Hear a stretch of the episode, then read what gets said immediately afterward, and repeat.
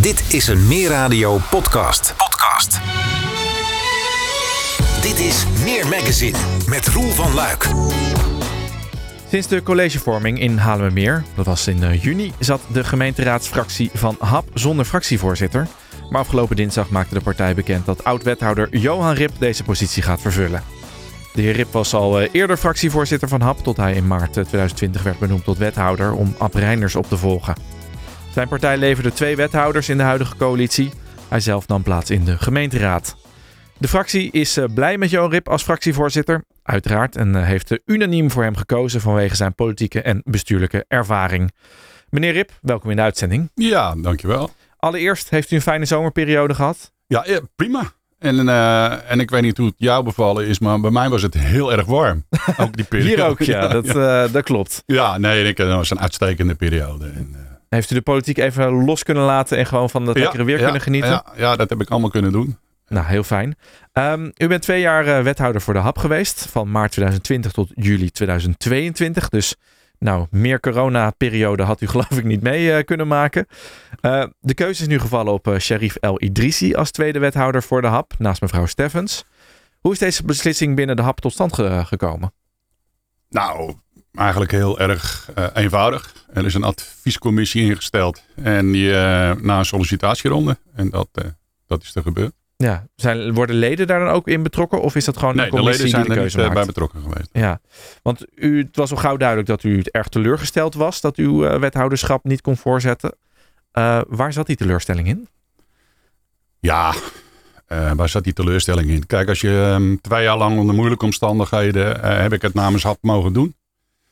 Um, je wordt dan in twee, bij de verkiezingen eigenlijk, vind ik zelf, als, wethouders, uh, als wethouder beloond met een bijna 900 voorkeurstemmen. Dus ruim 20% meer als vier jaar geleden als wethouder eigenlijk.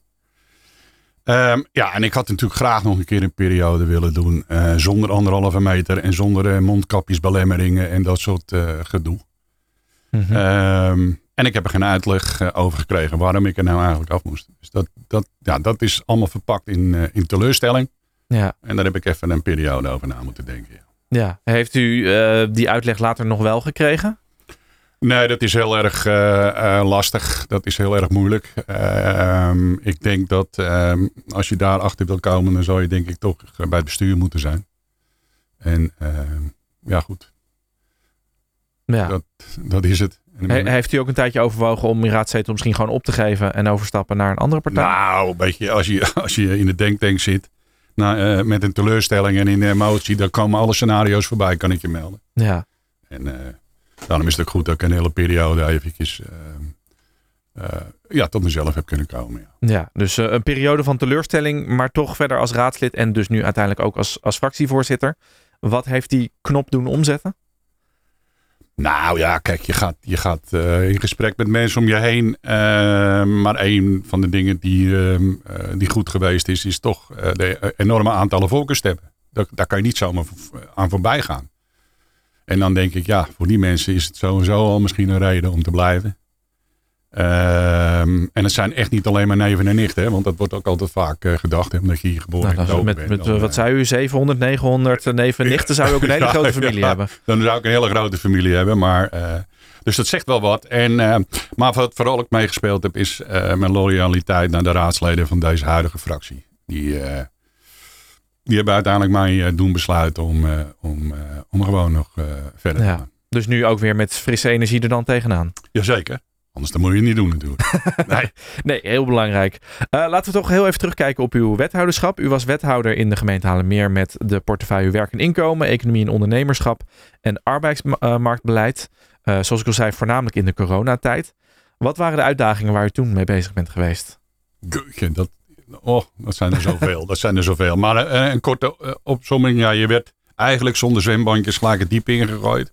Vanaf dag één. Uh, maar ik had een geweldig team om me heen. Uh, en die hebben me met rechten uh, mede ook doorheen gesleept. Ehm, ja, we hopten eigenlijk van persconferentie naar persconferentie. En een van de eerste dingen die voorbij kwam was dat de media veel aandacht had voor het hamsteren van de bevolking. Wat weer leidde tot, tot vragen over de voedselbank. Kortom, ehm, het was eigenlijk vanaf dat moment een rollercoaster waar je in zat. En, ehm, maar gelukkig ging dat, eh, ging dat goed. En vervolgens ja, had je de uitrol van de steunmaatregelen. De TOZO 1 tot en met 5 uh, inmiddels geloof ik. En de TONK uh, hadden we ook nog. Maar vooral die TOZO 1. Dat was wel een hele bijzondere, want het werd aangekondigd in Den Haag. En vervolgens kregen we de spelregels maar niet boven tafel. Die duurden drie, vier weken. Ja, toen zijn we dus gaan beginnen met voorschotten uitdelen. Ja, dan, dan ontstaat er een dynamiek. Waarbij, je, uh, waar, ja, waarbij ik eigenlijk uh, heel veel uh, respect heb gekregen voor de organisatie en de manier waarop mensen binnen de gemeente Hamelmeer daarmee omgegaan zijn. Ja, ja en toen, als je dat nog niet genoeg vindt aan uitdagingen, dan heb ik ook nog de toeslagaffaire. Die kwam ook nog even voorbij fietsen. Kortom, het waren 27 ongelooflijk dynamieke maanden. Ja. ja. Heeft u het gevoel dat u al die ingewikkelde zaken goed heeft kunnen afhandelen, aanpakken? Ja, ik heb alles eruit gehaald wat erin zit. En, en niet alleen ikzelf, maar ook mijn team en ook uh, vooral de gemeentelijke organisatie. En, uh, en dat is een compliment waard. Ja. En, en, en, en uiteraard natuurlijk uh, trots. Ja, trots trots op het college, want het was, je doet het wel samen. Hè? Want dat, dat, dat hou ik altijd wel uh, in mijn vizier. Uh, we deden dat als college. Iedereen had daar, uh, zat in de coronaperiode. En ik denk dat we dat als college heel goed gedaan hebben. Ja. ja. In het persbericht van afgelopen dinsdag heeft de, geeft de HAP-fractie aan klaar te zijn voor het nieuwe politieke seizoen. Kunt u misschien al vooruitblikken? Wat kunnen we de komende periode verwachten van de HAP? Nou, nou kijk, uh, Kijk, wat je ziet in uh, dat de samenleving toch uh, um, erg uh, in beweging is. Hè? Laat ik maar om, om het netjes uit te drukken. we vliegen van crisis naar crisis. En de effecten van die crisis zie, zie, je gewoon terug bij de mens. En de mens staat altijd bij onze fractie centraal. Ja, en als de effecten en de negatieve effecten, die, die, die vallen toch altijd bij de inwoners en de ondernemers. Ja, dan, is dat, dan moet je overschakelen op de methode hakken in vakken. En dat is een crisismethodiek die, die ongelooflijk goed, goed werkt. En dat betekent dat je prio moet stellen. En de eerste prio is gewoon de mens centraal zetten. Dus dat betekent dat we de meest kwetsbaren zullen gaan beschermen. Daar zullen we een schepje bovenop gaan doen. Maar we denk ik ook dat we wat ehm, scherper moeten gaan varen op de discussie rondom Schiphol. Over de groei. Maar ook over slash gezondheid. Ik denk dat we dat als lokale partij verplicht zijn aan onze inwoners om daar meer meer focus op te leggen. Het, uh, de, uh, de lusten zijn fantastisch. Maar de lasten die, uh, die breken ons soms wel eens op. Hè. Denk aan de discussie rondom reishout. Kortom, we hebben ja, ik denk heel veel uitdagingen. Om als grootste lokale partij, want dat wil ik er nog wel even benadrukken. Dat zijn we nog steeds. En dat hopen we ook zo te blijven. Samen met de VVD? Nou, in zetels? Nee, in zetels iets minder. Dat is nou de juiste teleurstelling waar ik nog eventjes... Uh, ik ben jammer dat je dat weer aanhaalt, want ik was het net een beetje vergeten. Nee hoor, maar de grootste lokale partij is gewoon uh, de, de, hap met zes zetels. En, en ik hoop ooit een keer mee te maken dat we de grootste worden. Want zo eerlijk moet ik wel zijn, ja. ja. Um, zijn er specifieke portefeuilles waar u mee aan de slag gaat de komende jaren? Nou, ik uh, als fractievoorzitter heb, heb, je vaak de algemene portefeuilles. Uh, financiën zal er een onderdeel van zijn.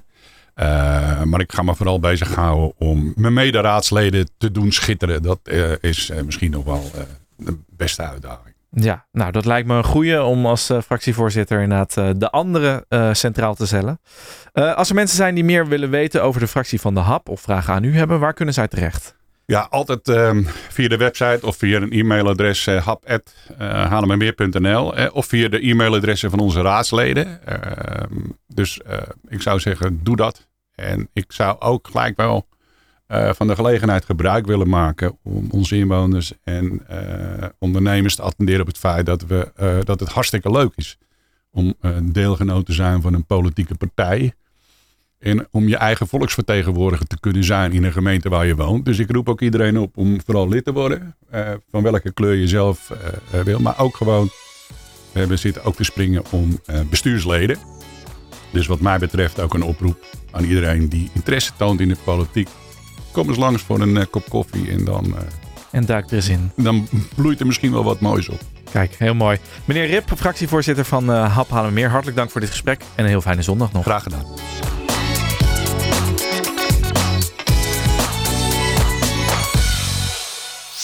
Meer magazine. Meer radio Haarlemmermeer.